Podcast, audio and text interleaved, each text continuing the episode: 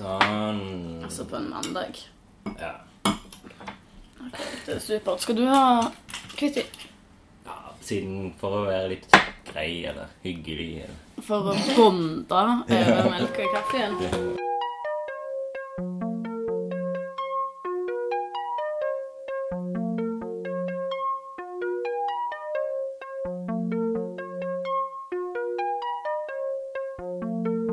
Så da, da sier vi velkommen. Ja. Takk. Takk for det. I dag har jeg Siri Borge som gjest. Du er jo kunstner. Yes. Det er din tittel. Det er ikke noe annet å si om det, eller? Hæ, nei. Vil du ha en ny tittel? Ja, jo, ja. Det er litt løye akkurat det der med, med den tittelen kunstner, syns jeg. Jeg husker jeg, jeg, når jeg gikk på kunstforskole, så, så spurte jeg om det. For det er jo en ubeskytta tittel, og så har jeg alltid respektert den utrolig mye. Ja. Den tittelen. Mm. Og, og det er utrolig mange som, som egentlig Som sier at de er kunstnere, men de er egentlig revisorer og, og sånn. Og så, så pusler de litt av på, på sida med at Mm. de liksom maler en akvarell en gang i halvåret. Men de har lov liksom på det? De har lov til det. Mm. Det er akkurat som eh, fotograf. Det er vel også helt liksom Du kan kalle deg selv for fotograf. Ja. Nå som trenger ikke noe Det svaret jeg fikk, det var ja, nei, du må vel kanskje ha en utstilling først. Men, Ok. eh, Ja. For det er jo et, det er jo et yrke. Sant? Ja. Det er jo en yrkestittel. Mm. Så hvis det ikke er yrket ditt, så, så blir det vel kanskje litt feil å si det. Men det er jo litt sånn, sånn så jeg, mitt yrke Jeg jobber jo 60% i barnehage. Men det er jo Jeg kan jo godt rundt å si at jeg, jo, jeg er barnehageonkel. Eller det er kanskje ikke, det er ikke det det kalles lenger. Assistent. Ja. Barnehageassistent. Men, eh, men jeg jobber jo med Jeg lager jo tegneserier og har en podkast. Og, Ja. og vil heller si det at jeg jobber med litt sånn til jeg Har hobbyer. Jo, jo. Og det er, jeg, det er jeg jo helt enig med. Det handler ikke om, eh, om eh, hva du liksom overlever av nødvendigvis. Det er jo en brødjobb. Ja, det er jo det. Det er Ja. vanskelig å på en måte pinpointe akkurat når du liksom krysser over til å være Det tok ganske lang tid før jeg liksom Og jeg syns ennå av og til det har en litt løyen bismak i munnen på meg hvis folk spør For det er jo det folk spør om når du treffer nye folk. Mm, Så spør de jo liksom Hva gjør du? ja. Og så sier jeg at jeg er kunstner. Så sier så- de hvor, Hæ, 'Hvordan kan du leve?' Å ja. Nei, de sier å ja. Ja, du maler og tegner, da. Det sier de. Og så sier jeg nei. Hva gjør du da? Alt annet enn det, Ja. egentlig. Hva har, du, har du gjort mye performance? Nei, ja, nei Jeg vet Nei. Jeg tror jeg bare blokka ut mesteparten av gangene jeg har gjort performance. Hvis jeg har gjort det mye, så har jeg glemt det. Men okay. det, det er jo noe jeg gjør i dann og vann. Mm. Uh, men jeg vil helst unngå det Ok. for enhver pris. Men uh, Du gjorde jo en ganske kul nå i velferden. Takk. Den likte jeg veldig godt. ja, det, Det er jo den beste jeg har sett av performance. Nice! Jo. det skal jeg smykke meg med. Mm. Det er utrolig kjekt. Ja, um, ja, jeg, ja, den satt, den, altså. Han gjorde det. Ehm, men jeg holdt på å spy i reinsdyrmaska mi før jeg uh, oh, ja. gjorde det. Det var en blanding av uh, frykt for høyder og at uh, det er noe med det der med alle sitt blikk på deg. Marina Bramovic, for eksempel, hun kom med en påstand om at eh, det som er forskjellen mellom teater og performance, eller teater og kunst, det er at på teater så later du som, men i kunst, performancen forbi kunst, så er det liksom mye mer ekte, da. Da, er det, da er det deg, og Mm. Ja. det Ikke fiksjon. ja. Mm.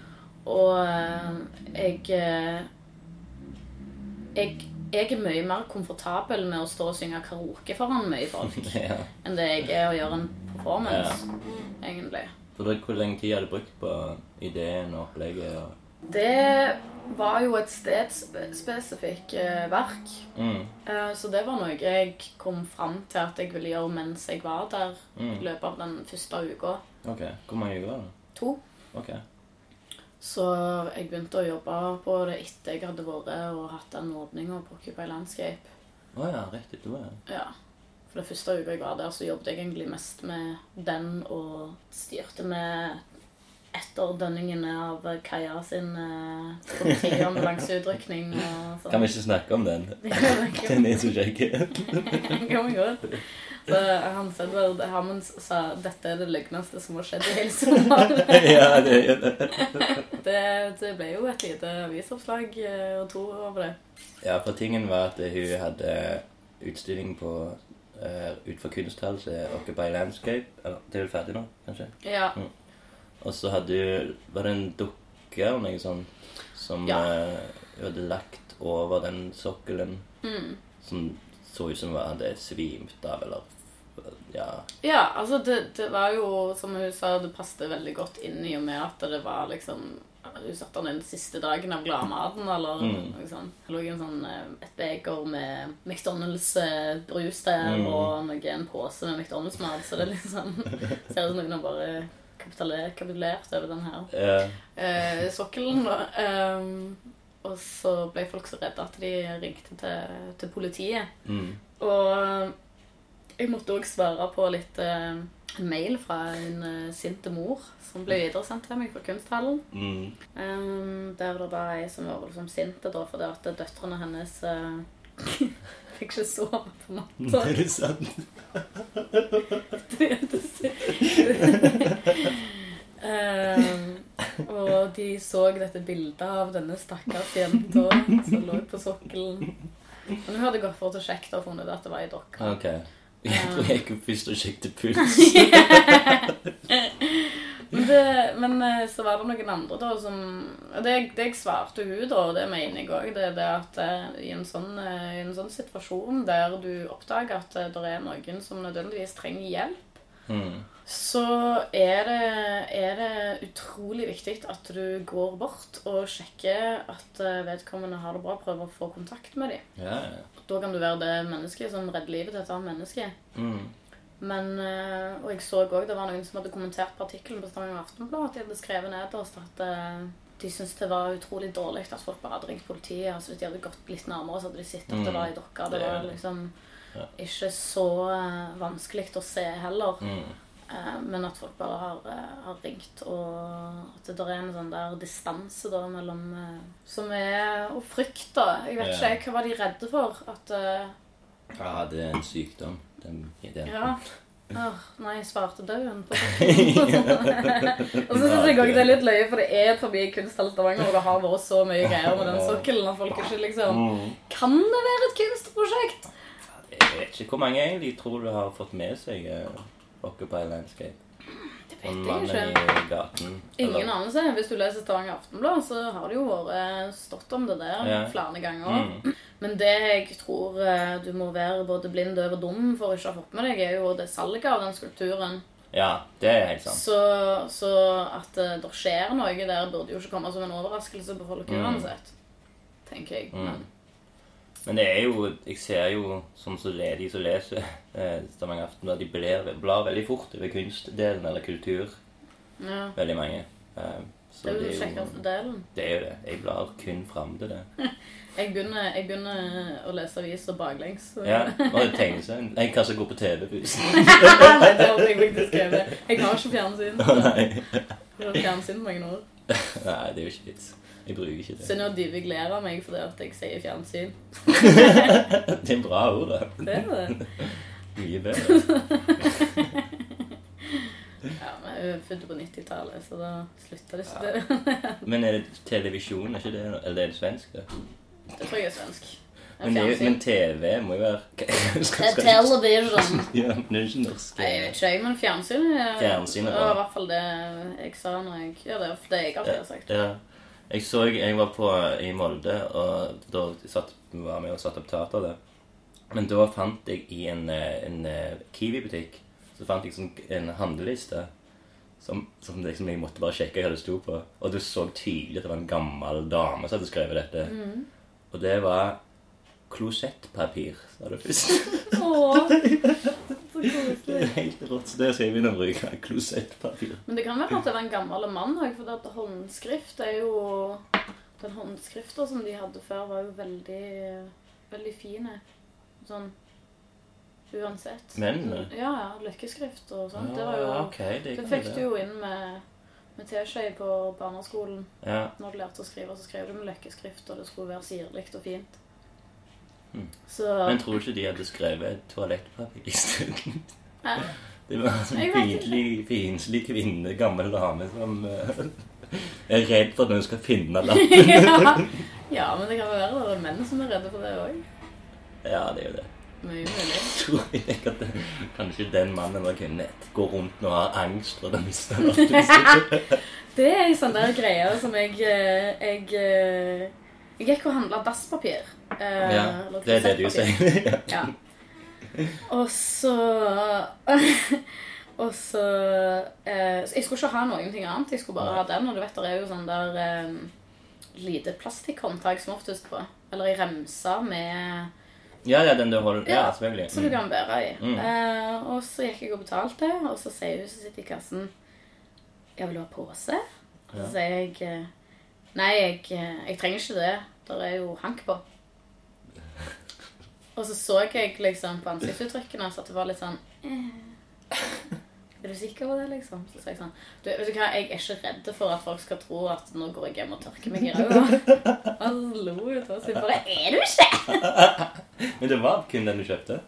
Ja, det var bare jeg var der bare for å handle dopapir. Ja. liksom. Nei, jeg er absolutt en sånn fyr som må handle mange ekstra ting hvis de skal ha dopapir, for det er, det er Ja. noe flaut. Ja. Det er det, og så er det eh, kondomer, og det er jo Det er jo òg. Det er jo også, ja. Ja. For da er det liksom sånn tre- Tenk hvis jeg tror at jeg lukter vondt nå og trenger den. det er alltid at det det er liksom så Og du har overtenka det Ja. så sykt. Um, jeg husker første gangen jeg skulle kjøpe bind. Ja. For da var jeg ganske liten. Ti eller elleve. Oi sann. Du fikk så tidlig mens? Ja. Jeg var først i klassen, Oi. men de andre kom etterpå i snoren, liksom. Og det var veldig Jeg var Jeg husker jeg sa når jeg eh, kjøpte jo disse bindene mine, Mm. og så gikk jeg på skolen, og så hadde jeg med meg bind i sekken. Ja. Så husker jeg vi hadde gym. Og så når alle jentene var samla inne i garderoben, så Jeg var så veslevoksen. Så sier jeg sånn Jeg vil bare informere dere om det. At jeg har fått mensen. Så jeg har alltid med meg bind på skolen.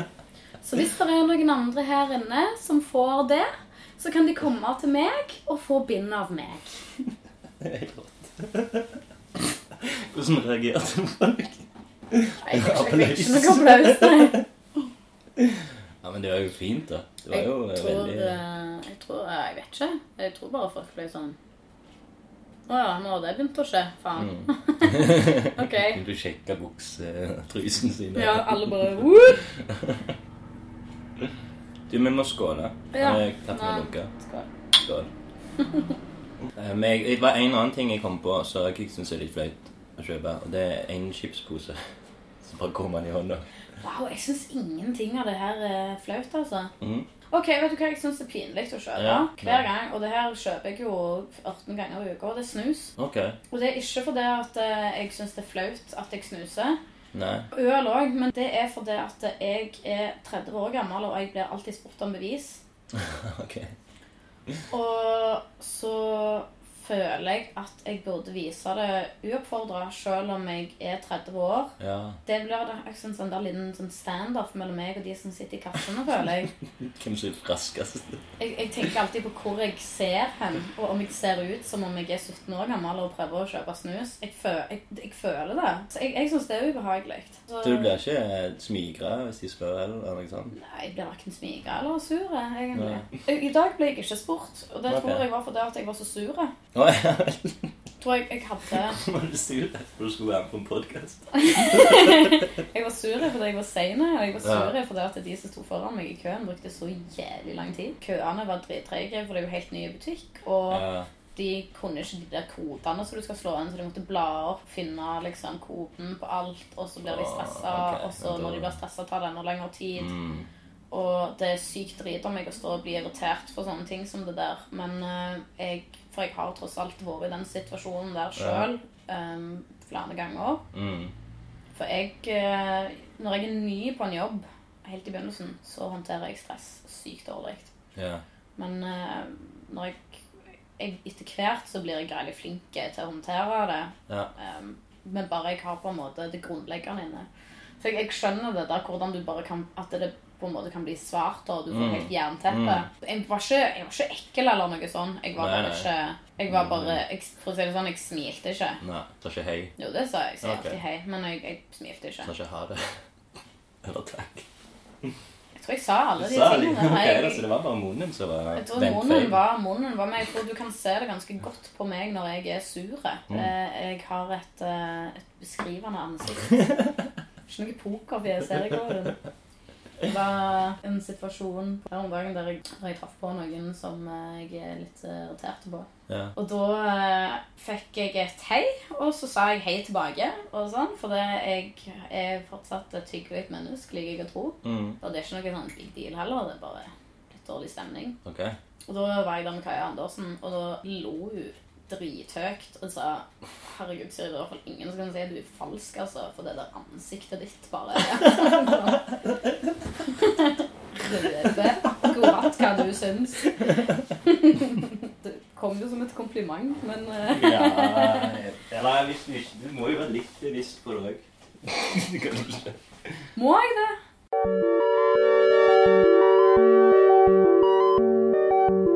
Ja, vil du ikke ha med noe? Jeg liker at han er lunka Ok. akkurat nå. Ja. Jeg, jeg liker lunka kaffe. Ja, men vet du hva, den blir jo lunka når du tar nok melk i. Ja, men du skal ikke ha for mye melk i. Nei, ok.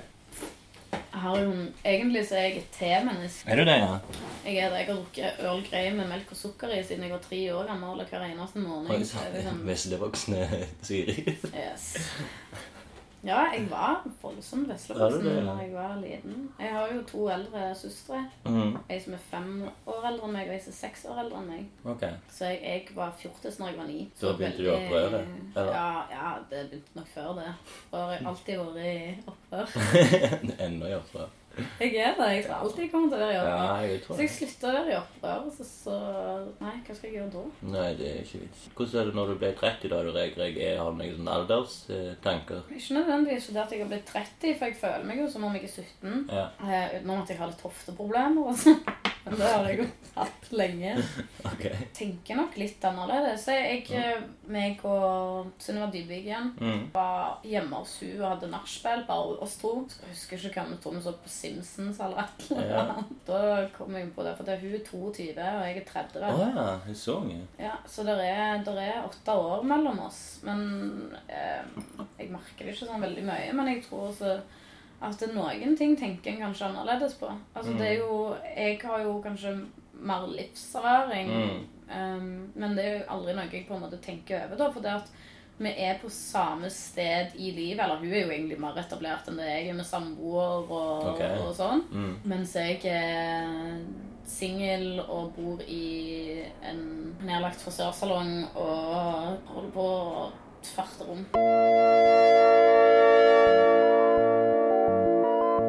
Dette her er noe jeg syns er litt, eh, litt vanskelig, og det er det at eh, For et, ett år siden så var det en fyr som sa til meg Nå er du 29, klokka tikker. Oi. Og det var i forbindelse med, med, med unger sånn. Ja, ja, ja. Og det, det kjenner jeg at det er faktisk et litt sånn der eh, sårt punkt hos meg. For det, jeg, jeg greier liksom ikke helt engang å bestemme meg for om jeg har lyst på unger. Jeg vet ikke hva som er størst frykten for å få unger, eller frykten for å ikke få unger. Det er jo det her FOMO, fear of missing out. ja. Jeg er interessert i å ha hele spekteret av opplevelser og følelser et menneske kan ha før jeg dør. Mm. Å føde sitt eget barn og kjenne på alle de kjemiske reaksjonene som skjer i hjernen, og gjør at du bare får Mm. dette her helt supersterke morsinstinktet og sånn. Ja. Og det, det tror jeg, for jeg har et morsinstinkt fra før av. Det vet jeg er ganske sterkt allerede, men uten å være mor, så er det til stede, liksom. ja. Um, Det er litt mor for Synnøve, eller? Uh, ok, nå passer du, passer du deg. Jeg syns det er jævlig urettferdig at uh, denne her sæden kan virke hos en dude så lenge han liksom produserer, og det faen hva da, hele livet, liksom. Jeg tror jeg skal få mitt første barn når jeg er 80. Mm. Det er min plan. Greit, da slipper du fjortistida. Um, men som Trenger vi må liksom For, det, for det, det er ikke bare hvor du har jo, Det er jo et begrensa opplag med egg. Visste du det? Ja, litt. Men ikke så veldig. Det, det er et begrensa Du har bare så og så mange egg du kan lage. Men er det en grense for alders, liksom? eh, Jo, kvaliteten på eggene dine blir dårligere. Altså, Ja. Etter 30 så går det bare nedover med okay. kvaliteten på eggene dine. Sånn at det er vanskeligere å befrukte dem eller noe. Ja, jeg har vel hørt at det er lettere å få en unge med Downs syndrom hvis det er sånn 40 år pluss og sånn. Ja. Det, er jo, det kan jo òg være positivt. ja. Å få en liten Downs i familien. ja. Uh, men så, så du har det, da. Men Mm. det, så er det jo òg det der med at du skal jo Det er jo en enorm påkjenning på kroppen å bære fram dette barnet. Ja. Og eh, altså Det er ni fuckings måneder, og Mm. du eh, har en unge som suger til seg Det er jo en parasitt ja. som suger til seg alt av eh, næring og Men har du snakket med mange så, så du kan snakke åpent om hele sine fødselstraumer? jeg altså noen som har unge og har hatt det bra, og noen som har det dårlig, f.eks. Det er jo litt viktig å snakke om. Men folk som er unger, som har det dårlig. Nei, folk som har liksom gått gjennom graviditeten og alt det der, men som syns alt var bra, og som du respekterer og syns er en bra person, og finner òg en som hater hele den prosessen. Ja, ja, men det har jeg har en av hver og Ja, har ja. til. Mm. Jeg kjenner jo en del som har fått unger. Ja. Og um, Angre. dessuten så ser jeg på Keeping Up with the Kardashians, og Mm. Kim Kardashian hadde en helt jævlig første graviditet. Med Northwest. Mm. Nori. Kanskje du forteller om ditt eh, obsession med Kardashians? Det er ikke en obsession i det det? hele tatt. Det er bare Det er ikke første gang jeg har hørt deg snakke om det. Åh, beste. Nei, altså Det er faktisk en venninne av meg som bor i Oslo, som heter Mia, som har liksom prøvd å få meg til å se på det sykt oh, ja. Mia Våge. Våge, ja. ja. Jeg kjenner jo godt. Uh, og så hun å skrive mail fram og tilbake, og hun bare 'Du er nødt til å se på Keeping Up med Kardashians'. Og så sa jeg eneste, eneste måten å få meg til å se en episode av det på så Jeg kan gå med på det hvis jeg sitter i samme sofa som deg, og vi har cola og eh, snop og chips. Ja, ja. Så skal jeg heller se en episode. Mm. Og så var jeg hos henne i våres, og så var det en morgen vi var fyllesyke, og så så hun var ganske gretten, egentlig, den morgenen der. Så gikk jeg på butikken og kjøpte snop og brus og chips og kom tilbake og liksom vi skulle kose oss da. Ja. Og da var hun så fjåke. Hele hun var så blid. Og da har hun funnet ut at å ja, men da kan vi jo se det. Så det, ok, så da så det har du sagt. Alt var til rette. Ja. Så var det bare sånn Ja vel, greit, da får vi heller bare gjøre det. Og så, så Nei, så ble jeg litt hekta, da. Jeg gjorde det.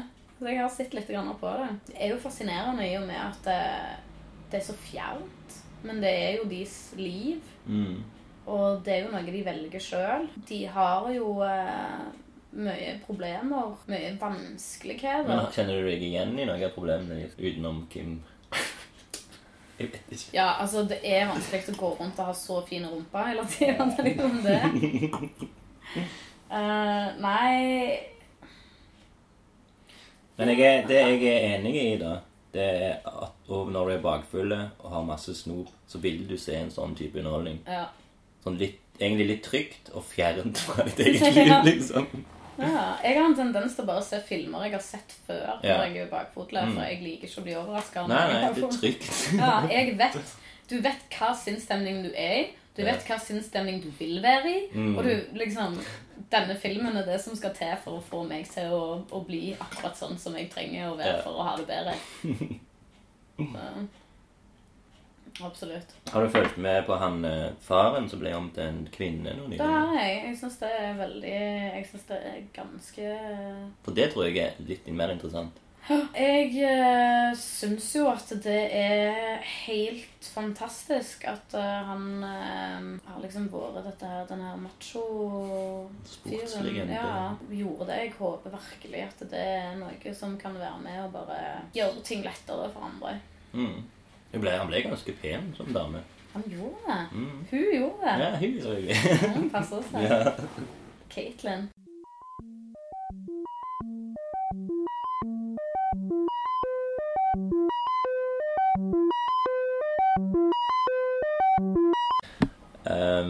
Har jeg startet på igjen. Ja. Um, jeg har tre faste innslag. Nei, to. Og så fikk jeg en ny òg i går kveld. Som kan bli et fast innslag. Der jeg spurte hun Sivi, eller hun Sivi Therese, du vet hvem det er, Ja. ja, om noen spørsmål hun kunne gjesten. Å ja. Så hun har fem spørsmål. Oi, så Det er spennende. Så er Åh. den nye eh, Er det Sivi hver gang som stiller spørsmål? Ja, jeg har spurt om vi kan være det. Wow. Ok. Så det er liksom spalten Sivis lunkne spørsmål til gjesten. Ok. Så, altså, de er jo veldig lunkne. Så det er, sånn, Er de lunkne? Okay. er Ok. Noen er veldig bra, og så er det noen som er sånn klisjé, nesten. Okay. Så den første Hvem ville du dratt tilbake i tid eh, for å invitere på middag med, og hvorfor? Ja, den var lunken. Oi, jeg greier ikke Jeg har så lyst til å si Hitler. Ja. Hvorfor ikke? Det er jo en perfekt mann å snakke Men han er sikkert litt Men han er vegetarianer. Er han det? Ja? Ja, eller Er han? det er jo, jo, men sant, Han er jo Tupac for meg. Ja. Veggis. Men vil du liksom ta og konfrontere han? Eller vil du bare ha en sånn, sånn trivielle samtale med han der om ja, hvordan går det med hunden din? Og, Nei, nei, jeg, jeg vil observere han. ja. Det er det jeg vil. Du vil ikke ha sånn noen dialog, du vil bare sitte og spise Jo, jeg med har jo lyst til å på en måte stille noen spørsmål, men jeg bare Kan du tysk? Nei, men hvis jeg først reiser tilbake i tid og Så Hvis det er mulig, så er det vel mulig at jeg snakker tysk. Ja, ja, så ja, i dette scenarioet så snakker jeg tysk. Ja. Eller han snakker norsk. Ja. Ja, det hadde vært det beste. Ja. Kanskje jeg kan forgifte maten hans og sånn. Mm. Da blir du en helt. Ja. Ja! Å, det har jeg lyst til å være. Jeg har Kjempelyst til å være en helt.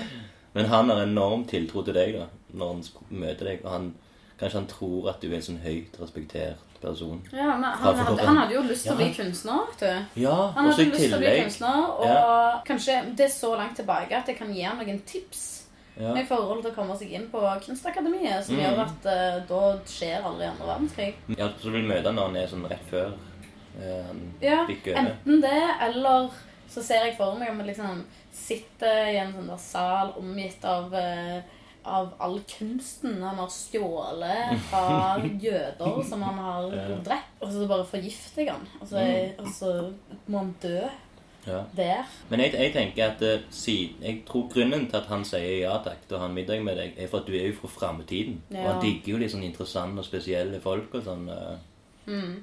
Så den tror jeg går ganske enkelt i boks. Ja. Den der uh, middagsdaten der. Ja.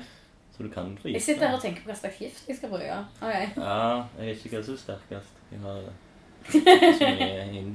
Nei, hva er vondest? Hva kan han liksom Men òg at det kan ikke smake Ja. ikke smake noe. Kanskje jeg sier at dette her er Jo, men herregud, vi er fra framtida, for faen. Vi må vel ha en eller annen gift som er Ja, ja, ja. Tror du mener at du, du, er liksom, du er ikke fra 2015, men du er fra sånn 2055? Der vi har funnet opp en sånn ny gift? Kanskje jeg er det. Men kanskje jeg drar tilbake i 2055, Ja. hvis jeg lever ennå. Mm. Ok, neste spørsmål. Mm. Eh, hva type undertøy bruker du? Ok, Som oftest svarte bomulls bestemortruser. Ok. Men i dag så har jeg faktisk på meg ei rosa truse Ja. med svarte kant på. Oi. Og så tror jeg det står Jeg skal bare sjekke. Det står noe på den, ser du. 'Hangover'. Og så er det en smiley med kryssa øyne. Se her. Er dritstygge. Jeg har en annen som er svart med rosa kant rundt, og den står det 'Evil' på. Hvorfor er det her? Er det sånn Jeg kjøpte det da jeg var i Budapest Ok. eh, en gang. Da bodde jeg sammen med Thomas Thomsen i Bergen. Mm. Og så når jeg kom hjem, da, og så bare syntes jeg det var litt løye, så jeg så viste jeg han de. Jeg bare sånn, Så jeg har kjøpt noe. Så sa han Hva faen, er du 14 år, eller? Så det her er fjortistrusene mine. Og det er kanskje litt feil som hver gang jeg tar på meg disse trusene her, så tenker jeg på Thomas og tenker «Åh, fjortistruser». Så det, ja, det er et svarte bomullsønniker, og jeg bruker ikke BH. Jeg har okay. brukt BH på årevis. I dag så har jeg faktisk tatt på meg denne her bikinitoppen. Ja, Eh, og det Oi, jeg har sølt kaffe på det er min feil. Eh, men, uh, men jeg pleier ikke, pleier ikke å gå med BH. Mm. Og denne bikinitoppen er jo egentlig ikke en BH, det er bare en topp. Ja. Eh, og det er mest fordi at han var i svart-hvitt, og det er det jeg kjører i dag. Jeg kjører svart-hvitt. Skoene mine er svart Er det mandagsfargen? Ja, ja, det er kanskje det. Jeg vet ikke, jeg har like godt svart-hvitt. Ja. Syns det er en nice combo. Ikke grått. Jo, funker det i dag, men jeg liker bare svart og hvitt. Neste. Ja, Kan du ta tunga ned på haga? vet ikke. Vil du prøve? Ja, jeg tror ikke jeg får det til. Jeg kan prøve. Det er nest. Jo, bitte litt. Det jeg gjøre, Godt det. det. forsøk. Ok. Eh, spørsmål nummer fire. Hva type superpower ville du hatt? Å, Gud, det er en vanskelig en. Det er at disse er liksom spesialdesigna til deg. Er de? Ja, ja, for hun visste jo at jeg skulle Ja, komme. spurte liksom hva Siri, hvorfor i alle dager lurer du på disse tingene her? Altså, alle ting du kunne spurt meg om, og så lurer du på det. Ok. Uh, jeg syns det er jævlig vanskelig spørsmål, for det, jeg har litt grann lyst til å lese tanker. For Mm. det jeg liker veldig godt å prøve å finne ut av mennesker. Ja. Men på en annen side så vil jeg helst ikke vite hva folk tenker om meg. Nei. Med mindre det er positivt. Kanskje det blir fly, da. For det, men, men så har jeg jo høydeskrekk. Men det hadde kanskje forsvunnet da. Ja, Eh, eller kunne puste under vann. Det hadde òg vært ganske fett. Men jeg er livredd for sjømonster. For de eksisterer. Og de gjør det. Det er masse uoppdaga arter. Ah, ok. Eh, Men det er liksom, jeg tenker også hvis, hvis noen, Du vil vel ikke at noen skal vite at du har disse superbarna, for da blir du jo utnytta? Eller? nei, hvorfor skulle jeg bli utnytta? Ja, de blir iallfall ja, Du blir vel nedringt, eller du må skifte nummer. Ja, det, det. Folk vil jo Men kanskje det hadde hjulpet kunstkarrieren min. Det hadde de jo. Drømt på litt seil grunnlag, sånn sett. da. Noe. Men eh, Hva være usynlig, da? Altså, Du, altså, du kan jo selvfølgelig ta av og på. Ja, det hadde jeg òg selvfølgelig likt. Men hvis jeg bare kunne velge én, så vet jeg ikke om det er den ja. jeg hadde valgt. Da står det altså mellom å fly eller å puste under vann. Ja, jeg tror det. Om du har høydeskrekk og monsterskrekk. Ja. Du trenger jo ikke besøke monster. Du kan jo bare være i badekaret ditt og puste under vann. Og lage mange kule kunstverk. Ok, det, okay. det, det er det, men jeg greier ikke å bestemme meg Ja, ok, men da får du to, da. Og så er det nummer fem. Siste spørsmål. Før du ringer noen, øver du på samtalen? Kom an på hvem det er. Men jeg pleier egentlig å ta ting voldsomt på gefühlen. Hvis jeg skal ha et foredrag, så pleier jeg å ta det på gefühlen. Det er mest ærlig, da. Eller og, kan du òg svime av. Jeg er ekstremt dårlig til å huske navn og Mm. årstall og sånne ting som det. Så hvis det er noe faglig, så har jeg gjerne det foran meg. Titler og sånn. Mm. Eh, For jeg har en visuell hukommelse. Oh, ja. Eh, Jeg er verdens dårligste name-dropper. Mm. Altså, jeg er helt elendig. Kai Andersen og Synnøve Dybvik. De Ja, det er de to jeg kan name-droppe. Og Mia. Og mye. Det er faktisk ganske pinlig. For tross av denne visuelle hukommelsen min, så er jeg heller ikke spesielt flink med fjes. Nei. Og jeg vet ikke hvorfor det er. Jeg kan huske hvordan et bilde ser ut, eller installasjoner som en Å, ja. kunstner har gjort, Mm. eller Jeg husker verka, Ja. men jeg, jeg husker aldri navn. Men du kan forklare f.eks. et verk i detalj, da. Ja. Før du kan forklare hva Ja. kunstneren heter, og trynet. Hvordan det ser ja. ut. Så for eksempel eh, en av eh, en kunstner som jeg liker veldig godt, Mm. som heter Sophie Kall. Okay. Ei franske. Eh, jeg dro faktisk Da gikk jeg andre året på forskole i Oslo i Strykejernet. Mm. Og bladde i ei bok og fant noen verk av hun som jeg syntes var ganske kule. Og de var ganske så kule at jeg gikk og googlet henne. Og da fant jeg ut at hun hadde ei utstilling på Louisiana i København. Mm. Så jeg bestilte flybilletter og drog ned til Louisiana i København og gikk for å se på den utstillingen. Mm. eh, noen år etterpå, det var vel når jeg gikk andre året i Bergen, så fikk jeg vite at Sofie Kall skulle ha utstilling i, på Stavanger kunstmuseum. Ok. Eh, og da tok jeg eh, bussen Det var på høsten. ja, tok jeg bussen til Stavanger. Broren min kom og hentet meg på bussholdeplassen og tok meg med bort på Bøker og Børst. Og der tok vi oss ei øl Ja. og satt og jobb- jobbet. Og så spør han meg Ja, men hvem er hun her, Sofie Kalle, egentlig? Hvorfor er det så viktig for deg å se henne, eller se de tingene som sier liksom? Begynner jeg å fortelle om hvem hun er, og sånn. Og så kommer det tre franskmenn bort til meg, da. Og så spør de liksom Why are you talking about Sofie Kalle? Så sier jeg nei, for det at eh, hun eh, åpner utstilling her i morgen, og jeg har kommet til byen bare for å se den. Jeg har vært og sett henne før, eller Mm. sett verkene før i i København, og hun er jo helt fantastisk. Så hvis dere er her i byen i morgen, så burde dere gå der. Mm. Og så sier hun minste av de da med store solbriller I am Sophie Gall. Åh. Og jeg ble både starstruck og dritflau. Ja, nei, så jeg har anbefalt Sofie Kall å gå på sin egen utstilling. Og Ja, ja. det er jo mye viktigere at uh, kunsten blir huska enn personen. Mm. Det er jo kunsten som er viktig. Mm. Det er jo viktig å markedsføre seg sjøl, sånn, for det at folk kan gjerne bli mer interessert i hva de gjør hvis du, de er interessert i deg, men i utgangspunktet for min del så er det jo kunsten som er interessant. Jeg er jo egentlig bitte, bitte litt uenig. Men ak akkurat med kunst, kanskje. Men sånn som med film Jeg er jo enormt stor fan av Ingmar Bergman. Mm. Og, og jeg likte filmene hans godt. Men hvor mer jeg ble kjent med, med Bergman som person, hvor mer likte jeg filmene òg, liksom. Og hvor mer jeg leste om han, hvor mer ble jeg, eh, likte jeg det han gjorde òg, liksom. Ja, ja, men Det kan jo hjelpe. Og, og, ja, ja, selvfølgelig kan det hjelpe. I den forstand at det kan hjelpe deg å forstå et verk Ja. Mm. Jeg ser den, men i utgangspunktet så, så er det jo eksempel Mm. det folk har et problem med når det kommer til Kardashians. Ja. Hva er det egentlig de er kjent for? Mm. Hvorfor er de kjent? Ja. Hva er det de har gjort? Altså, ok, det var denne her sextapen til Kim Ja. Kardashian som ble lagt, men hvor mange tenåringer eller 20-åringer, eller hvor gammel hun enn var, rundt omkring her i verden, har gjort akkurat det samme uten å liksom bli kjent for det. Det, det er allikevel ikke Det er en ganske vanlig ting. ja. De er jo uten et produkt. De, de har skapt produktet i etterkant. Mm. Men de er ikke kjent for keeping up with the Kardashians. De var kjent før det. Mm. Men hvis du ser på disse her Olsen Twins, de har jo uh, her klesskjepen sin. Yeah. Men det er jo noe som har blitt skapt i etterkant av en skuespillerkarriere. Mm. Yeah. Det, det er det der, da, med at eh, med folk og produkter, så er jeg vel kanskje litt grann imot det der å liksom selge seg sjøl og, og sånn. Når du stiller opp i intervjuer og sånn som det, eh, er ikke det for å selge deg sjøl, da? Eller er det- er det mer kanskje om de Cupay og Studio 17 du har vært mest på? Det er det jeg har vært mest Ja. på. Når jeg er i en sånn situasjon som det der, og der jeg blir intervjua, så prøver jeg alltid å nevne så mange bra ting som mulig.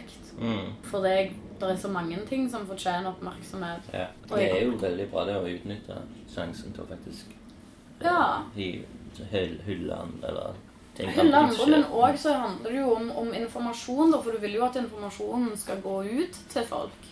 Ja. Altså, de skal få med seg at det, Mm. altså, det er noe som skjer. Den hyllesten, det får jo bare være så det er. Det, det er jo koselig, for det er jo mange som fortjener det, osv. Men, men informasjonen ut til folk om hva, som faktisk, hva alternativer de faktisk har, da. Selvfølgelig det er jo positivt at uh, jeg blir intervjua, og at jeg får eh, Det har vel egentlig ikke vært i et intervju der det har vært så Det har vært snakk der det har vært utelukkende liksom bare om mitt virke som kunstner. Mm. Eller liksom det jeg holder på og Det jeg produserer, kun okay. det jeg gjør, eller hvor jeg er født, og hva yndlingsmaten min er, Mm. eller hva enn Hva stilling har du egentlig på Studio 17? Ikke jeg. Er det ikke stillinger der? Nei, det er ikke det, egentlig. Det er et eh, demokrati. Det mer aktive du er, det mer har du jo du skulle ha sagt. For det at eh, det er du som er nødt til å ta avgjørelser, eller Det har mye med initiativ å gjøre, men for eksempel i forhold til det der med hvem som skal stille ut og ikke, så, har jeg, så stiller jeg likt som eh, de andre. Vi har en eh, håndsopprekning, avstemming. Ja, okay. Vi går gjennom søknaden og ser på de, og så er det for og imot. Mm. Og um, hvis det er noe du tror ekstra mye på, som de andre ikke tror på, så kan du krangle. Det blir Men- sånn denne der 12 um, men Jeg vet ikke Mm. Ja, jeg vet hva du mener. Eh, Mange mennesker som jeg ser opp til, som jeg om Eller liksom som har kvaliteter, da, som jeg ser Mm. opp til, og som jeg ikke kan fordra, som jeg eh, som òg jeg liker. Ja. en tidligere lærer jeg hadde når jeg gikk på prosjektskolen, som eh, jeg faktisk ble forelska i. Okay. Uh, han ble ikke forelska i meg, da, men jeg var veldig forelska i han. Ja, ja. Grunnen til at jeg ble forelska i han, var jo fordi at eh, han hadde en arbeidsmoral som ikke ligna grisen. Ok. Han jobbet så utrolig hardt, og han Mm. ga så mye av seg sjøl. Mm. Intenst menneske, da. Ja, jeg tror han hadde nok ting som jeg skulle ønske at jeg hadde. da. Ja. Var kanskje derfor jeg ble litt forelska i han, fordi at han hadde Mm. egenskaper som jeg skulle ønske at jeg Ja, hadde. ja. Og forventa mye. Folk han forventa mye. Jeg følte at han forventa noe av meg. da. Det kan være en ganske fin følelse. Mm. Jeg følte ikke at det var forventa bare sånn Du er jo elev her, så du er nødt til å gjøre disse tingene. Jeg Mm. følte det var forventa av meg fordi at Hadde han, ja, ja, han, at han gjerne så noe i meg. da. Mm. Det er jo, Alle vil vel gjerne bli sett. Ja. I skolesammenheng så er det veldig sjeldent jeg har opplevd at noen har hatt noen forventninger til meg. Så det var, det var fint.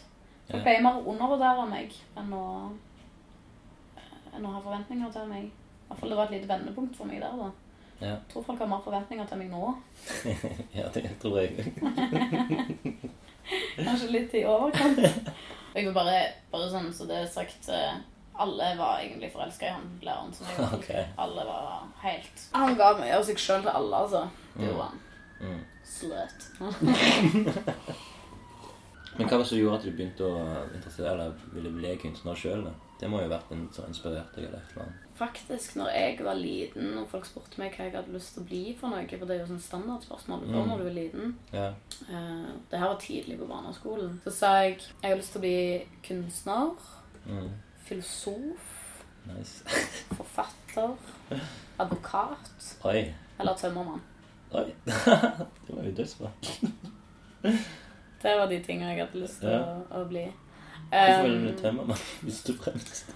Eh, pappa var tømmermann. Ah, ok. Så før jeg begynte på, på barneskolen, så fikk jeg bli med han på jobb av og til. Og da hadde jeg et eh, tømmermannsbelte som var helt likt hans, bare til barn. Okay. Og jeg hadde en hammer som var helt lik hans, bare mye mindre. Ja. Og så fikk jeg en neve spiker og skruer som jeg hadde oppi eh, en av de der lommene på tømmermannsbeltet. Og så Jeg er ganske handy, faktisk. Jeg tror nok kanskje det kom av at jeg hadde litt sånn der ståltro på at jeg automatisk arva pappa sine evner som tømmermann, bare fordi han var faren min. Så jeg Nei, ja, det har.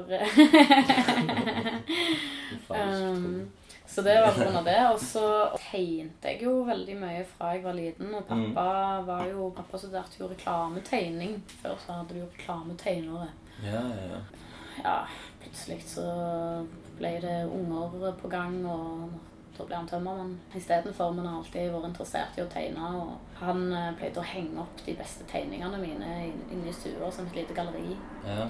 Ikke bare på kjøleskapet, men liksom inne i stua så hadde jeg en vegg der, et hjørne der han hang opp de beste tegningene. og Fortalte meg hvorfor han syntes de var best. og sånn. Derfor hadde jeg jo lyst til å bli kunstner. Og Mm. så leste jeg utrolig mye. Jeg hadde ikke så mange venner når jeg gikk på barneskolen. Jeg var ganske sånn Viggo vennløs. ja. Um, og jeg var en stor fan av Roald Dahl. Mm. Elsket Så du ville være hun Mathilde? Nei, jeg, jeg ville skrive. Ja, ja selvfølgelig. Jeg ville skrive. Jeg elsket jo Mathilda, men det var ikke Mm. favorittboka mi, egentlig. Jeg bare tenker siden det var Hun leser så mye. Hun Ja, hun, ja, hun leste mye, hun òg. Ja, ja, jeg identifiserte henne kanskje litt. Hun var litt. liksom like, like god venninne som hun òg, kanskje. ja. ja. Men, Men, ja. eh, men ja, så jeg leste mye, og jeg eh, gikk gjerne på biblioteket Mm. når det var storefri og sånn, så jeg skulle slippe å forholde meg Ah. til det å være alene i skolegården. Ja. Så da gikk jeg der og satte meg Husker de, Du var jo på Kvalerberg. jeg Du Jo, gikk vel der, jeg du òg. Jeg hadde en sånn gedigen eh, tøypytonslange der inne som jeg var veldig fascinert av. Og noen puter og noen greier. Ja, ja, ja. Den var helt rå. Ja, så jeg pleide å liksom krølle den litt rundt meg og sitte Ja. i de putene der og lese. Ja. Og advokat det hadde jeg lyst til å bli fordi at jeg var så glad i å diskutere og være uenig med folk. Og Mm. følte liksom at jeg var ganske flink til å på en måte Så òg fordi jeg var veldig opptatt av rettferdighet. Hva som var rettferdig og ikke. Som for eksempel, jeg er nok født feminist, tror jeg. Ja. Jeg har alltid vært opptatt av liksom Mm. hvorfor, hvorfor skal det være forskjell mellom meg og deg? Mm. Ja, fattig og rik og Ja. hudfarge og altså alle disse Mm, tingene her er noe som, som så, så jeg var opptatt av rettferdighet, og at alle skulle behandles likt og sånn. Og jeg likte å diskutere det, og jeg syntes egentlig at alle var litt dumme og sånn. Et arrogant barn òg. Yeah. Merkelig at jeg ikke hadde noen venner, liksom. Eh, og dette her med filosof, det var fordi at jeg eh, var jo òg Altså, jeg holdt jo på tenkte veldig mye. Jeg hadde veldig mye tid til å sitte og tenke. Mm. Og jeg, jeg var jo òg litt potensiøse, for å si det sånn. Jeg eh, satt og hørte på Mozart og Oi sann. skrev dikt og sjiktet opp. I Og, barneskolen. ja. Bra. ja, jeg begynte å lese Romer og Julie. Altså, jeg leste Oi. Shakespeare da jeg Mm. var liksom ti. Jeg var et veslevoksent barn. altså. Jeg, var det. Mm. jeg lengta etter å bli voksen og få kunne bestemme over meg sjøl og ta Mm. mine egne avgjørelser og sånn. Uff, Jeg vil nesten ikke du skal ta med dette, her, for det var så jævlig men jeg kleint. ut. trenger ikke det. Men jeg synes det, det er jo veldig interessant. Er det egentlig det? jo, det er det. Jeg tror jeg hadde potensialet potensial til å bli et sånn der, eh, sånn der eh, vidunderbarn på et tidspunkt. Men eh, det var ingen som la merke til meg, så det bare ble til at jeg ble et sånn der opprørsbarn i stedet for. Så aldri vokst opp. Mm. Du ble på barneskolen. Ja. Uff, nei. Nei, det gjorde ikke det. Men sånn, nå, nå mener jeg sånn Det var der du vokste opp, Mm. og så eh, videre så liksom ble du et barn seinere, da. Ja. Som Michael Jackson. ja, ikke sant? Når jeg begynte på ungdomsskolen, så sluttet jeg å lese. Mm. Og jeg eh, tror jeg gikk over i bare en sånn der ren sånn overlevelsesmodus. Prøvde å eksistere til ting ble bedre. Mm. For jeg hadde jo ikke noe godt på ungdomsskolen heller. Da var jeg begynt å bli leie av alt. Jeg hadde jo ikke noe spesielt med karakterer fra ungdomsskolen. men Jeg eh, gikk ikke så mye på skolen i det hele tatt. Okay. Og eh, kom litt sånn ut av trening og litt ut av alt, tror jeg. Videregående, når jeg begynte på videregående, så fikk jeg sånn der Ok, greit. Videregående det teller faktisk litt. Grann. Mest sannsynligvis så teller det. Dette er gratis, og jeg liker ting som er gratis. Jeg skal utnytte meg av eh, at vi har et gratis, eh, gratis skole så mye jeg bare klarer. Jeg gikk fem år på videregående. Forus og Våland. En av grunnene til at jeg elsket Roald Dahl når jeg var liten, var fordi at eh, selv om han skriver barnebøker, så skriver han ikke til deg som om du er dum. Nei, nei, nei. Han har en veldig, han hadde et vane med å utvikle ordforrådet mitt ganske godt, den mannen der. altså. Ja. For det, jeg husker jeg, jeg satt på kjøkkenet og leste. Og så hvis jeg ikke var noe jeg ikke skjønte, eller noe jeg lurte på, så spurte jeg mamma. Så gikk mamma i leksikonet eller Ja, ja, ja. ordboka og fant det for meg. Det må jo være et fint minne. Ja, det var veldig bra. For jeg prøvde virkelig å liksom ta meg sammen da, gå litt vekk fra dette her rebellgreiene.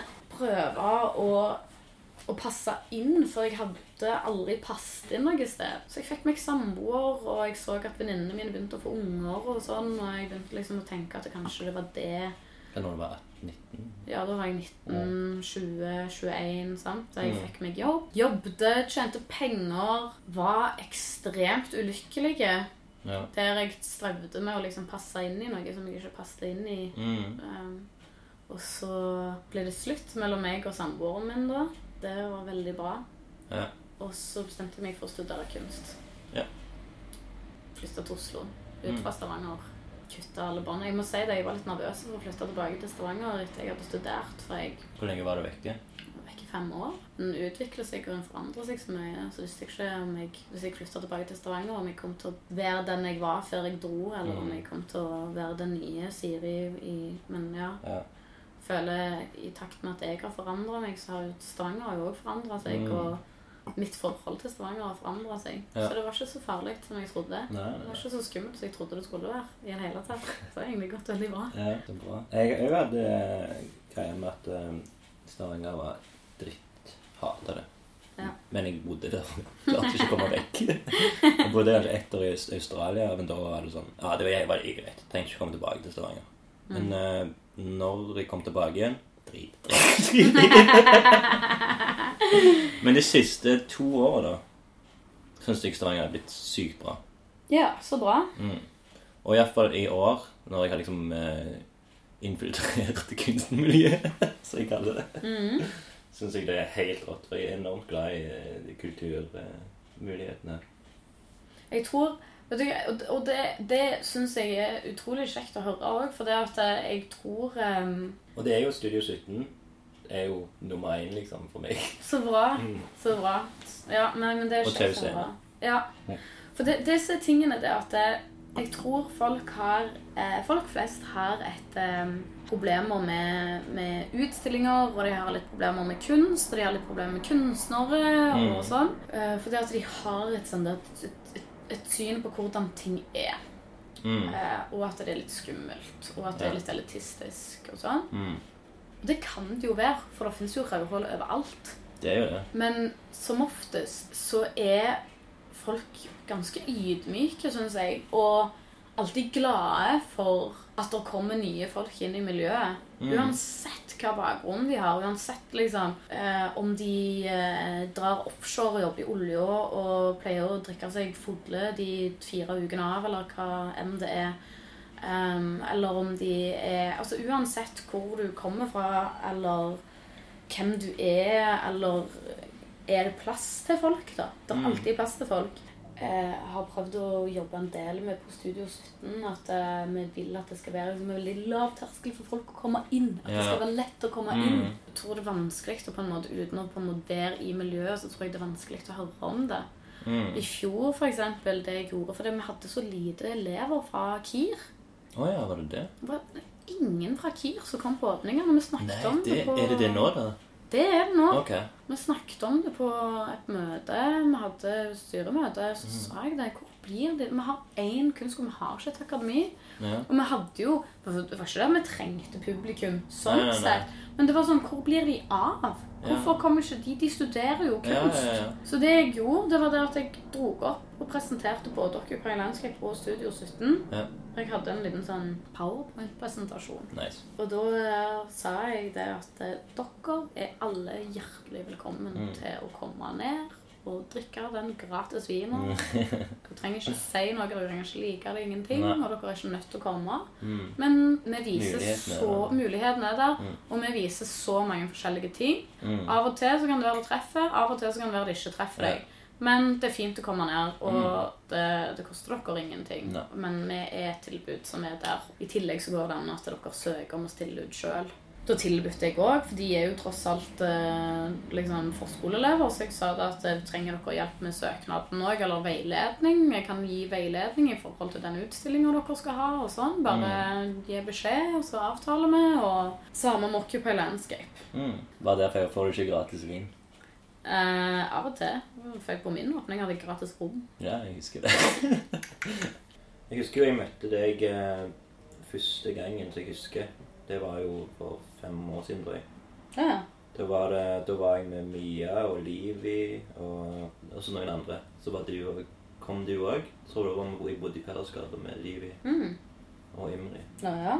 Og så husker jeg jo bare at jeg snakket litt med deg om at du var kunstner. Liksom. Eller, eller studert, kanskje det. Vet ikke. Da studerte jeg. Ja. Så etterpå så har det vært sånn Jeg, vet, jeg, vet, jeg kjenner igjen deg, men jeg, jeg tror ikke at det er liksom, vi kan hilse. Mm. Hvis du forstår. Ja.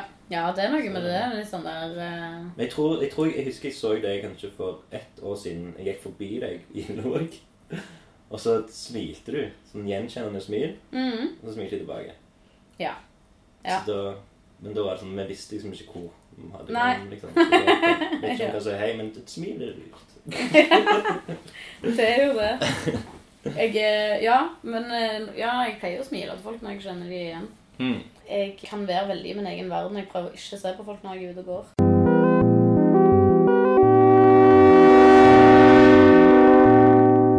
Jeg husker det var, det var et voksent menneske det husker jeg, det var et voksent menneske som sa til meg Siri, du trenger ikke si alt du tenker høyt. Okay. Jeg skjønner at du har en mening om mye, Mm. men du trenger nødvendigvis ikke fortelle det til alle. Nei. Og det for meg var en sånn der liten åpenbaring. Og det var nødvendigvis ikke fordi at jeg tenkte at eh, alle ville høre hva jeg hadde å si om alt. Det var ikke det Nei, som var det, men det var bare det at eh, jeg var så opptatt av at jeg skulle liksom være ærlig. Så da, men så, så, så skjønte jeg det at ok, Men jeg, jeg vil jo ikke såre noen heller. Og hemmeligheter, der er jeg god. Jeg kan Ja. godt holde på hemmeligheter. Men når det kommer til det ble jo andre sine hemmeligheter. Ja. mine egne hemmeligheter er jeg dritdårlig til å holde på. Jeg er dødsdårlig til å holde på hemmeligheter. Og så Det var senest forrige uke det var en venninne av meg som sa jeg syns det er kjekt å snakke med deg om sånne ting, for jeg vet at du sier hva du mener når Mm. jeg spør deg om Mm, noe. Og jeg, jeg går rundt akkurat nå og kjenner sjøl på frykten av å få svar på ting som jeg lurer på. Fordi jeg er redd for at jeg får feil svar. At det kan være en ting som kanskje er litt skummel med meg. At folk er redde for at jeg skal plutselig bare sier et eller annet. Mm. Siden, siden vi kom inn på det nå, yeah. må jeg innrømme det at jeg, eh, jeg hørte på eh, en podkast som du gjorde. Yeah. Du måtte jo researche litt her. Og, yeah. og da valgte jeg eh, å høre på den eh, som du hadde med Henning Klungtvedt når dere satt ute og drakk øl. I parken, ja. Mm. Og da sa du Det var litt da Dere snakket om eh, å være redde for jenter. Det syns Ja. jeg var litt løye å høre på. Så sa du på et tidspunkt at du syns at likestillinga hadde gått for langt. Feminisme hadde gått for langt. Feminisme hadde gått for langt. Mm. Ja, men det er jo Ja, ok. Men, men det jeg mente med det, da, det var at eh, Da tenkte jeg på i Sverige, da, spesielt. At det, der var det alt som hadde med eh, kvinnelige kunstnere, forfattere Sånn som jeg hadde fått med meg, da, var liksom sånn ekstremt feministiske. Men på feil premiss, da. Hva premiss da? Der de har liksom at det er handler Det handler ikke for de om likestilling, men at de skal være eh, bedre enn menn, egentlig. Og da for det tingen at det er, det er grunnen til at jeg skal gå videre med i den samtalen, er at jeg er en stolt beta. Og det Mm. betyr jo bare at jeg er jo, jeg er jo en veldig svak mann, liksom. Og um, når jeg ser um, uh, kanskje, kanskje jeg vil støtte den svake mannen, da. Mot uh, de sterke kvinnene. Sånn. Men ikke sånn at det er mot det, for jeg elsker jo alfakvinner, f.eks. Men uansett, alt jeg sier i Men det er jo- har, jeg, har jo egentlig hyggelig mening, Det er jo bare Ja, jeg ja, sier nei, men, liksom. men det som er tingen er at det er noe som jeg har hørt veldig mange mange si dette her med at feminismen har gått for langt. Men feminismen handler om likestilling. Mm. Det er det han handler om, Ja. at ting skal være likt. Men, men Og det handler ja. ikke om å være bedre. Det Nei. handler om at det skal være likt. Mm. Eh, Det er jeg enig i. og, og, og, og det å på en måte si at feminismen har gått for langt ja. Det er feil eh, ordvalg. bas- Basert på eh, noen ekstremister. Mm. Sant? Det er generaliserende for en hel bevegelse som er så fantastisk viktige. Mm. Og ikke bare for damer, men for menn. Det har kommet en sånn der Dette her med, med manisme som har kommet opp. De har ei Facebook-gruppe, og de legger ut liksom sånn En mor som nekter eh, samværsrett med far, er ikke en mor. Ja, okay. Typ sånne Ja. ting som det der. Mm. Der det er menn som eh, opplever at de blir eh, diskriminert. Mm. Eh, spesielt i forhold til barnefordelingssaker. Yeah. Jeg vil si som, som feminist Mm. så er menns rettigheter like viktige for meg som det kvinner sine er. Det er ikke noe jeg sier, det er noe jeg mener. Ja, ja, ja. Jeg syns det er helt jævlig at du har menn som blir mishandla, Mm. både psykisk og fysisk, som kommer med ungene sine og ikke har et krisemottak. Mm. At det er et tilbud som ikke eksisterer. Ja. Men jeg syns òg at det er helt jævlig. Fengslene for damer i Norge er liksom helt steindårlige. Okay. De er dritbad. Mm. For det er nedprioritert. Ikke okay. stort. Det er for det er ikke så mange kriminelle damer, Mm. så derfor blir de nedprioritert. Ja, okay. Det finnes ikke så mange mishandla menn. Eller Mm. det er jo svarte tall der òg, vi vet jo ikke Eller mørketall, vi vet jo Ja, ikke. ja, ja, ja. Men, eh, men, men det handler jo om eh, Altså, det blir en slags sånn uh, At de er en minoritet og blir uh, derfor ikke prioritert. Mm. Sant?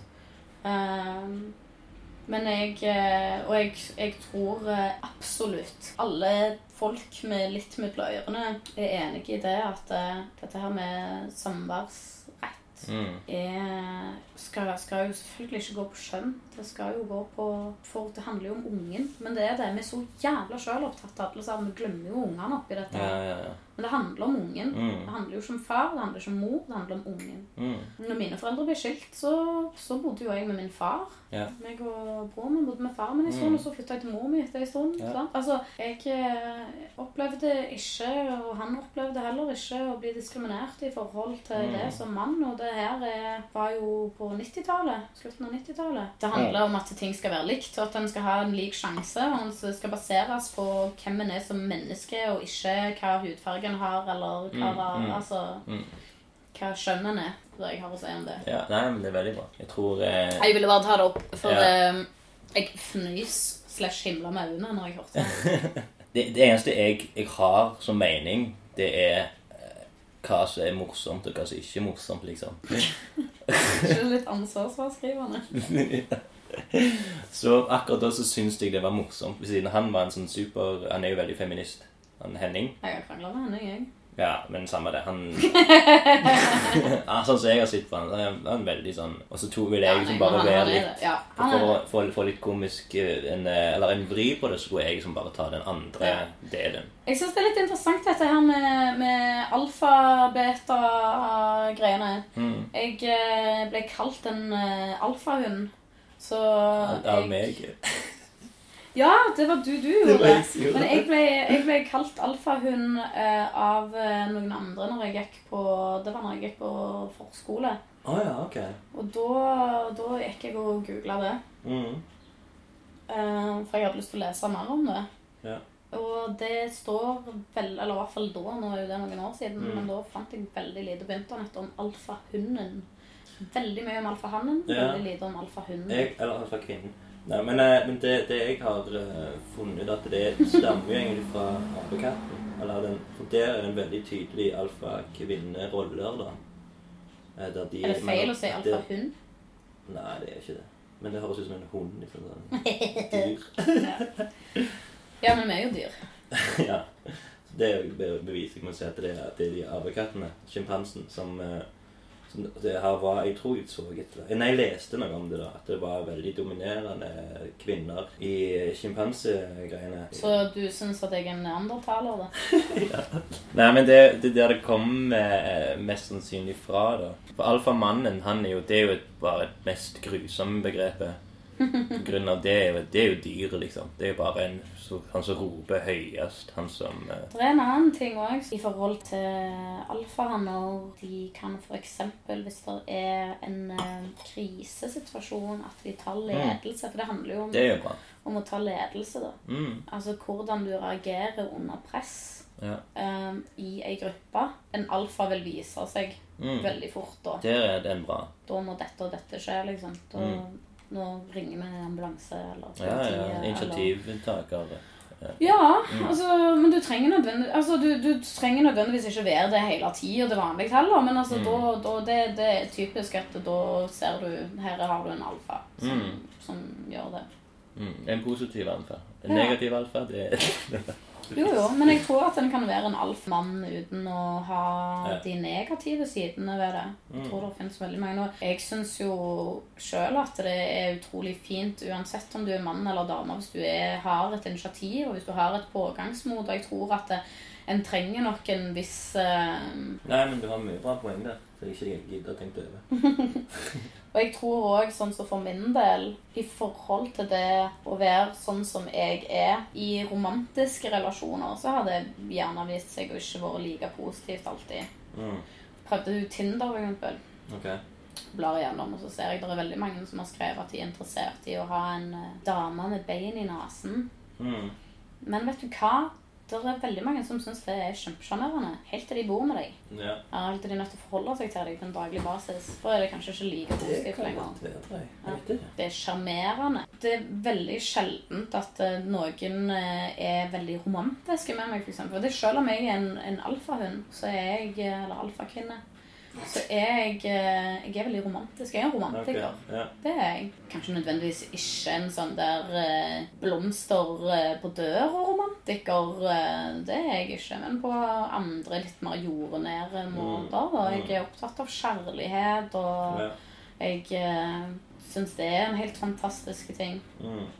Jeg er jo òg en litt kynisk. Sånn, ok, jeg vet at det er liksom kjemiske reaksjoner og forplantningsinstinkter etc. Mm, men det betyr ikke at han ikke kan indulge og bare elske og hate og liksom sånt, Sånne ting som det der. Men det, det er noe der jeg kjenner det at folk tenker at jeg ikke er det. da. Og som, som kanskje et menneske som um, har um, mindre følelser bare fordi at jeg er tøff. Men det stemmer jo ikke. Nei, det er ikke sånn jeg har opplevd det. Nei, men det er bra. Mm. Som ei venninne av meg sier Folk ser på meg og tror at jeg trenger litt hjelp og trenger å bli behandla litt fint, og at jeg er litt, litt sarte. Mens egentlig så, så gjør jeg ikke det i det hele tatt. Jeg er kynisk og, og tøffe, egentlig. Men med deg så tenker folk at du er kynisk og du er tøffe. Mm. Mens egentlig så er du sarte og følsomme.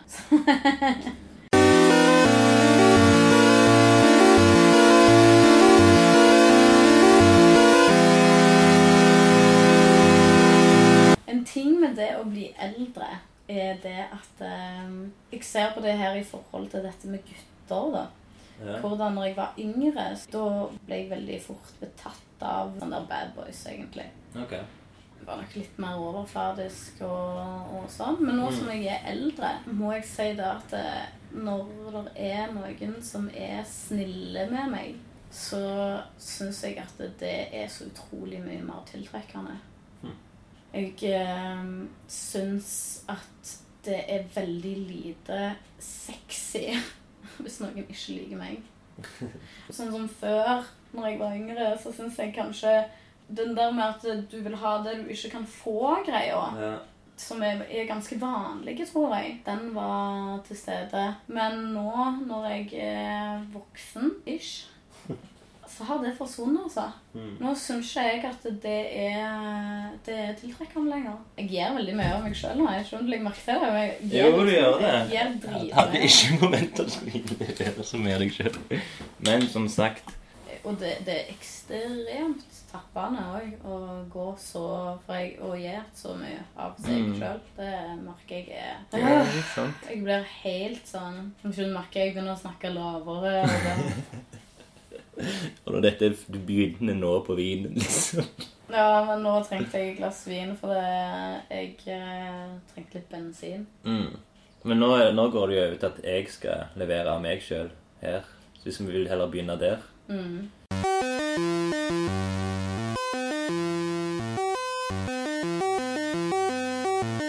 eh, Så jeg grua meg til nå i dritlenge. Det er å lese fra min, eh, mine papir eh, dagbok fra 2006 til 2009. Kan jeg velge? Og de har ikke jeg lest på ti år, så jeg har ikke peiling hva som står. Så du skal få lov å trekke ut. Må jeg bare trekke en? Får ikke bla Du får ikke lov å lese den, for det er jo ikke sikkert de tør å si alt. Ja, ja. Jeg, jeg, jeg skal lese. Nei, nei. Men enten så må du gi deg over til dette her, eller så Kan jeg se litt av starten? OK. Så ser om det er min. Har jeg utlevert meg så mye at eh, du kan godt utlevere deg sjøl.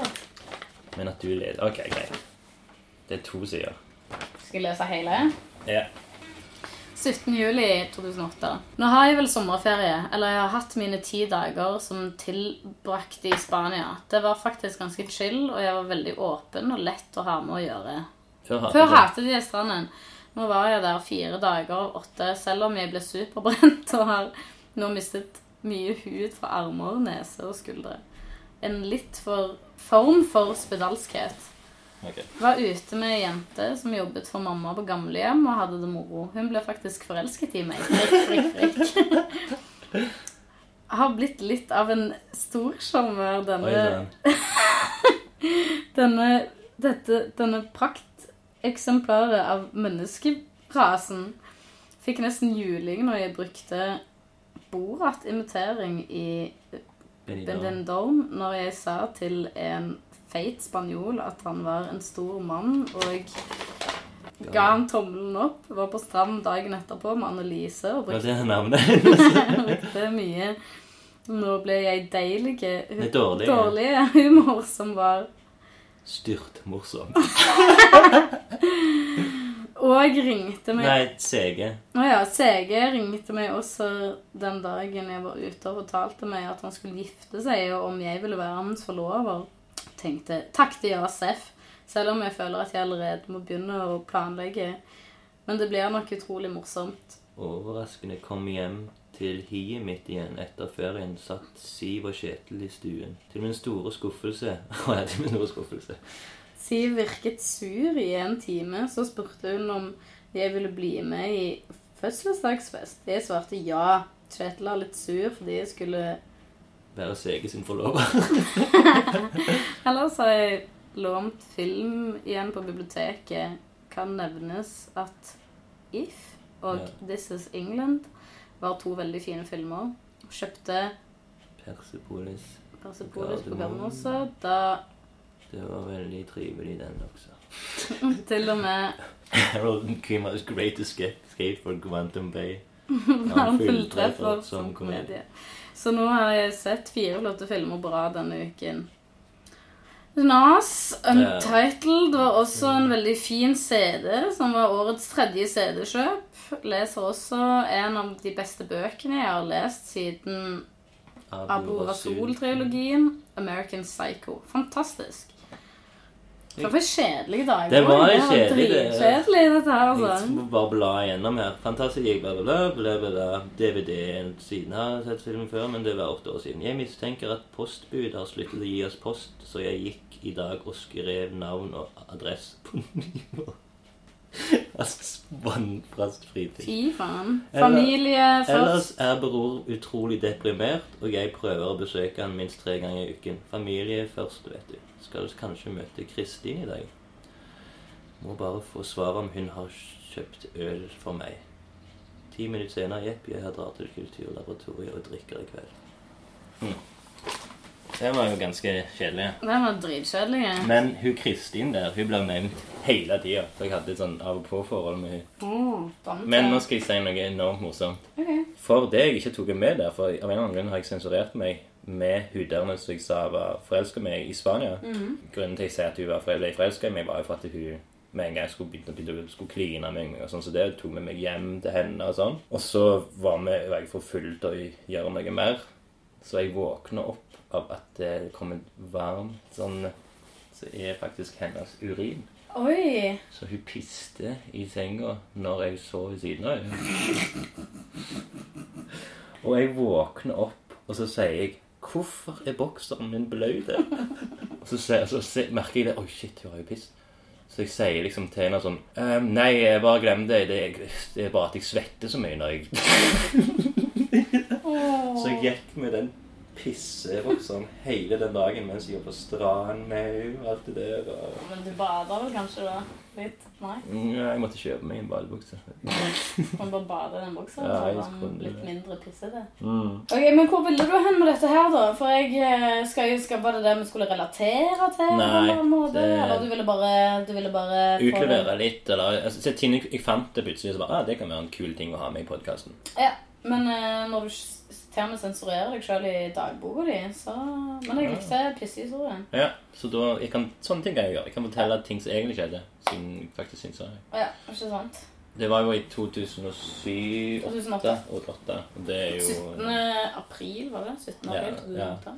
Men det er jo litt om hvor, hvor er du i livet når du er, er der og da. Og da var Hvor mange jeg? Ok, det er fem, seks, syv år siden. mm, Så da var du Syv år siden, da var jo jeg 25? eh, 25 ja. Og da jobbet jeg på Narvesen på Kilden. Nylig vært eh, ferdig med sånn treårsforhold og skulle finne meg sjøl igjen, liksom. Da begynte jeg med den eh, eh, Å begynne å skrive liksom, om livet. Hva skal jeg finne på? Og så fant jeg ut etterpå at jeg, jeg skal bli animatør. Da. Og så fucket det seg. så nå prøver jeg å være tegneserieskaper. Eh,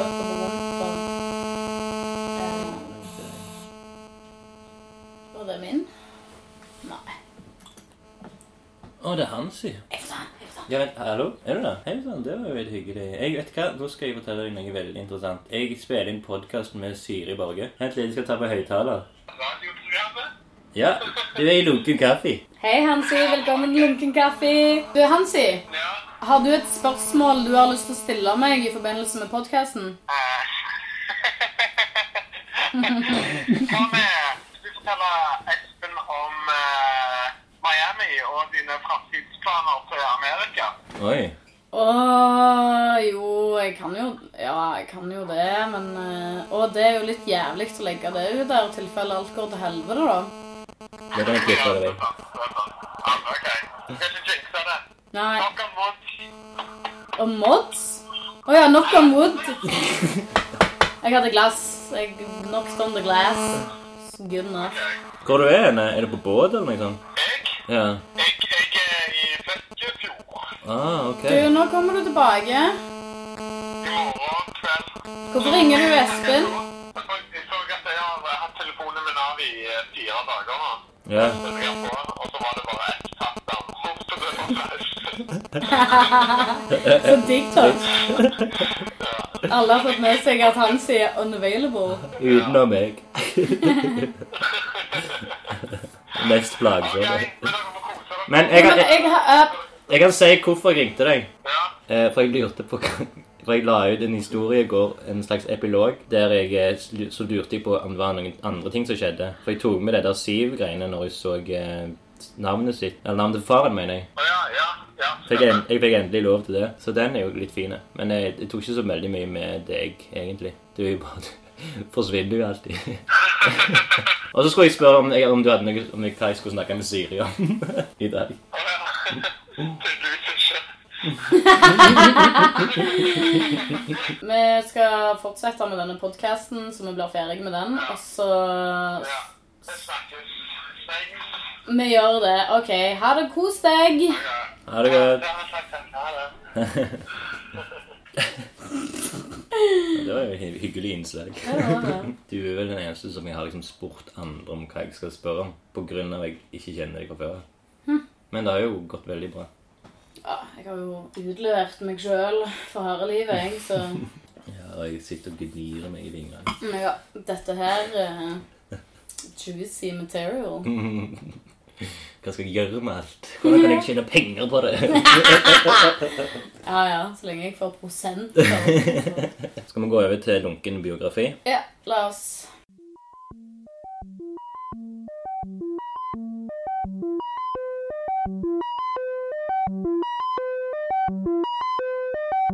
Nå har jeg jo litt, kanskje litt veldig mye å velge mellom. Jeg begynte med Bergman-biografien, så er det min favorittbok. Interne Magica. Og det var i sesong én, og da fikk alle lese liksom. Da fant jeg bare en side, eller de valgte tall og side, og så leste jeg fra det, og så relaterte vi til det alle snakket om. Men det ble litt kjedelig i lengden, så derfor har jeg tatt med veldig mange andre som du kan velge mellom. Så da er det Knausgård, eh, Andrew Dice Clay, en sånn standup-komiker, eh, Mike Tyson, Mark Maron, Dag Solstad, hold deg fast, Scrooge McDuck. Stig Larsson, han skumle Stig Larsson, eh, som ikke er en Millennium Stig Larsson. Eh, Hæ, Miles, ikke Stig, men Stig. ja. Og så er det Miles Davis og Damien Eccles. Um, OK, da velger jeg uh, den uskyldige barnemorderen. Ja, så bra.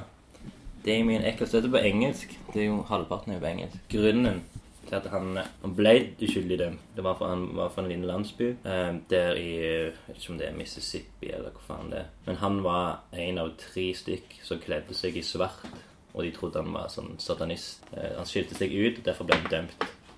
eh, For en barnemord. Og det er tre eller fire uh, by, nei, dokumentarer om den saken. da, så Veldig bra. Uh. Men så lagde han en egen selvbiografi, som er veldig bra. Em, da er det Får du velge mellom uh, Det heter Life After Death, forresten. 1 til 399. Nummer 111, setning 11. Jesse was no great conversationalist, but his antics could be amusing, and the odd thing he said were usually worth a chuckle. It was very apparent to anyone of even average intelligence that you weren't dealing with the world's brightest guy. He was a great Deal like a child. He was harmless. Den er fin. Den er fin. Den kan vi relatere til. Ingen stor eh, sam bra samtaleemne. Men en artig figur. En fyr som liksom er kjekt å være rundt av det bare noe å le Eller du kan le og kose deg. liksom og ha det. Ja, det blir jo litt grann som å velge en eh, film en, eh, eller en lettlest bok. Mm. Eh, Da har du jo Det er jo underholdning, liksom. Mm. Eh, Det kan jeg jo definitivt relatere til sånn sett. Men eh, de fleste jeg omgir meg med Stort kompliment til de jeg omgir meg med, da. Men de Mm. fleste jeg omgir meg med, er smarte folk. Mm. Um, På den ene eller den andre måten. Jeg tror at dette mennesket uansett alltid er mye mer komplisert og mye mer lag. Jeg tror ikke det går an å bare være enkel. Jeg er en introvert, ekstrovert person. Mm. Sant? Mm. Um, så jeg Min eh, ekstrovert er òg en forsvarsmekanisme for å passe på den introverte. Ja. Sant? Mm. Så, så jeg eh, ble egentlig ikke invitert med på så veldig mange ting. Det tok ganske lang tid før jeg fikk venner. Mm. Og så dro vi på en uh, klassetur et sted rett ut forbi uh, Ja, Cancerat heter det. Ut forbi Barcelona. Okay. Da var det februar. Jeg hadde ennå ikke fått meg en venn i klassen. Dere begynte i september? eller? Ja. Når jeg husker jeg satt på flyet og tenkte hva faen er det jeg holder på med for noe? Mm. Jeg skulle være der i en måned. Jeg hadde kjøpt returbillett. Ja. Planen var bedre i fire uker. Ja. Veldig smart, for da ble jeg tvungen til å bli kjent med folk. Mm. Og så var det meg og et par andre folk som stakk inn til Barcelona. Der jeg bare sånn Ja, jeg har lyst til å dra til Barcelona, jeg har lyst til å være der i natt. Og så gikk vi et sted og så drakk vin. Mm. Så begynner vi å snakke liksom om eh, sånn framsynte folk. Og så sier jeg bare på tull at jeg er synsk. Og så spør han ene om jeg kan, eh, om jeg kan fortelle han om framtida hans. Mm. Og så sier jeg Og det her er ganske detaljert òg. Så sa jeg da at jeg tror at du kommer til å jeg tror du kommer til å treffe ei dame, og jeg tror at du kommer til å få et barn med henne. Jeg tror at før det barnet har blitt ett år, så kommer det til å bli slutt mellom dere. Og du kommer til å treffe et nytt menneske. Jeg tror du kommer til å drikke mer enn du burde. Og jeg tror at det kommer til å gå utover deg som altså, jeg, jeg fortsatte og fortsatte og fortsatte, og jeg så at fyren ble liksom bare kvidere og kvidere i trynet. Og når jeg var ferdig å snakke, så sa han Du har akkurat beskrevet barndommen min og forholdet mitt til min far. Og han bare Det er liksom så nøyaktig òg. Så det var ikke, eh, det var ikke synsk, men du kunne se tilbake i Jeg kunne se, ja, men jeg kunne se han Jeg kunne jeg Ja, opp noe der, liksom. Mm. Jeg hadde plukket opp veldig mange ting Mm. Som han hadde opplevd. da. Han er regissør nå. okay. Og det var det han hadde lyst til å bli òg. Ja. Og da sa han til meg da at eh, du har sittet der, og du har observert. Du har bare sittet og analysert og observert. Og egentlig liksom ikke nødvendigvis gjort så mye ut av deg, men du har fått med deg utrolig mye, da. Dette her var ikke ting som han hadde stått og snakket om heller. Han har ikke fortalt om barndommen sin. Jeg har aldri hørt han snakke om sin far. Nei, nei, nei. Men jeg bare leste han, da. Mm. Og da følte jeg meg litt som en psykopat. så var jeg ganske stolt til, da. Ja. Jeg opplever eksempel at det er veldig mange som tror at jeg røyker. Vanlig røyk. Ja, Mm. At de kommer og vil bomme røyk av meg hele tida. Sånn Men jeg røyker jo ikke. Jeg har oppfattet sånn at du mot, du hater det, liksom. Så jeg, liksom, når jeg røyker, så går jeg vekk fra det. Liksom. Ja, men jeg har jo ja, Ja, har astma, jo og sånne ting som det. Men jeg røykte jo før. Du gjorde det, ja. Jeg gjorde det. Men jeg, jeg visste jo ikke at du hadde astma. Nei. Men, eh, men Nei, nei, men, men, men eh, folk kommer bort til meg. Jeg, jeg, jeg vet ikke om det er fordi at det liksom ser ut som en sånn Ja, det er Og sånn- hun der, hun liker å drite i det. Hun utfordrer skjebnen og kreft og sånt. Det heter faen jeg. Samme personen som jeg, eh, som jeg fortalte om, eh, han regissøren som Mm. jeg eh, leverte barndommen til på et Ja. par der, han spurte meg liksom en gang i uka i et halvt år om han kunne bomme røyk av meg, selv om jeg hver gang sa nei, og jeg røyker fortsatt ikke, liksom. Og han bare, jeg fortsetter bare å glemme det, fordi at eh, du ser ut som en person som røyker. Og så er det sånn, hvordan kan du se ut som, har jeg nikotin i øynene, eller liksom... Men det er nok den der bad guy-attitude, den bad girl-attituden som gjør at eh, hvis du skal være bad girl, så må du røyke. Går an å være bad girl og smart og ikke ha lyst på kreft, liksom. Jeg, det, er jo, det er jo en enorme sånn en, eh, nesten kynisk ting, men egentlig litt sånn eh, harmløs ting. At grunnen til at jeg ville ha deg med, var for at jeg ville bli din venn, liksom. Istedenfor å spørre om vi skal være venner, så spør du om jeg kan være med og gjøre en podkast med deg. ja. Samtale som det her er jo mer givende enn en tur i møte deg på byen, eller sånn. Det er det. Men føler, liksom. føler du at vi har blitt venner nå, da? Ja, det føler jeg. Ja, Hva føler du, da? Nei, jeg føler vi har blitt venner. Ja, så bra. Så ja, alt i alt, så er jo det vellykka. Ja, jeg er veldig fornøyd. Og jeg har fått et tilbud om en jobb. Ja, ubetalte, Ubetalt. utakknemlige Drittjobb. Det er ikke en drittjobb, for Nei, det selvfølgelig ikke. Det er er med og virkelig kan eh, gi noen noe Vet du hvor mange som hører på dette her, egentlig? Hvor mange eh, lyttere For det kan du vel sjekke? kan du Jeg tror jeg kan sjekke det, men jeg har aldri giddet å sjekke det. Eh, For det er egentlig det, det eneste grunn til å gjøre det, er for min egen del. For at jeg får lære eh, av mennesker, liksom. I en sånn setting. Og jeg syns at det er, blir eh, Det går an å sitte på kafé ja, og ha en samtale. Men da sitter de kanskje på mobilen, og så er det sånn der Men her er det liksom Nå, du, nå vet du at du må snakke konstant. Eller så blir det radio silence.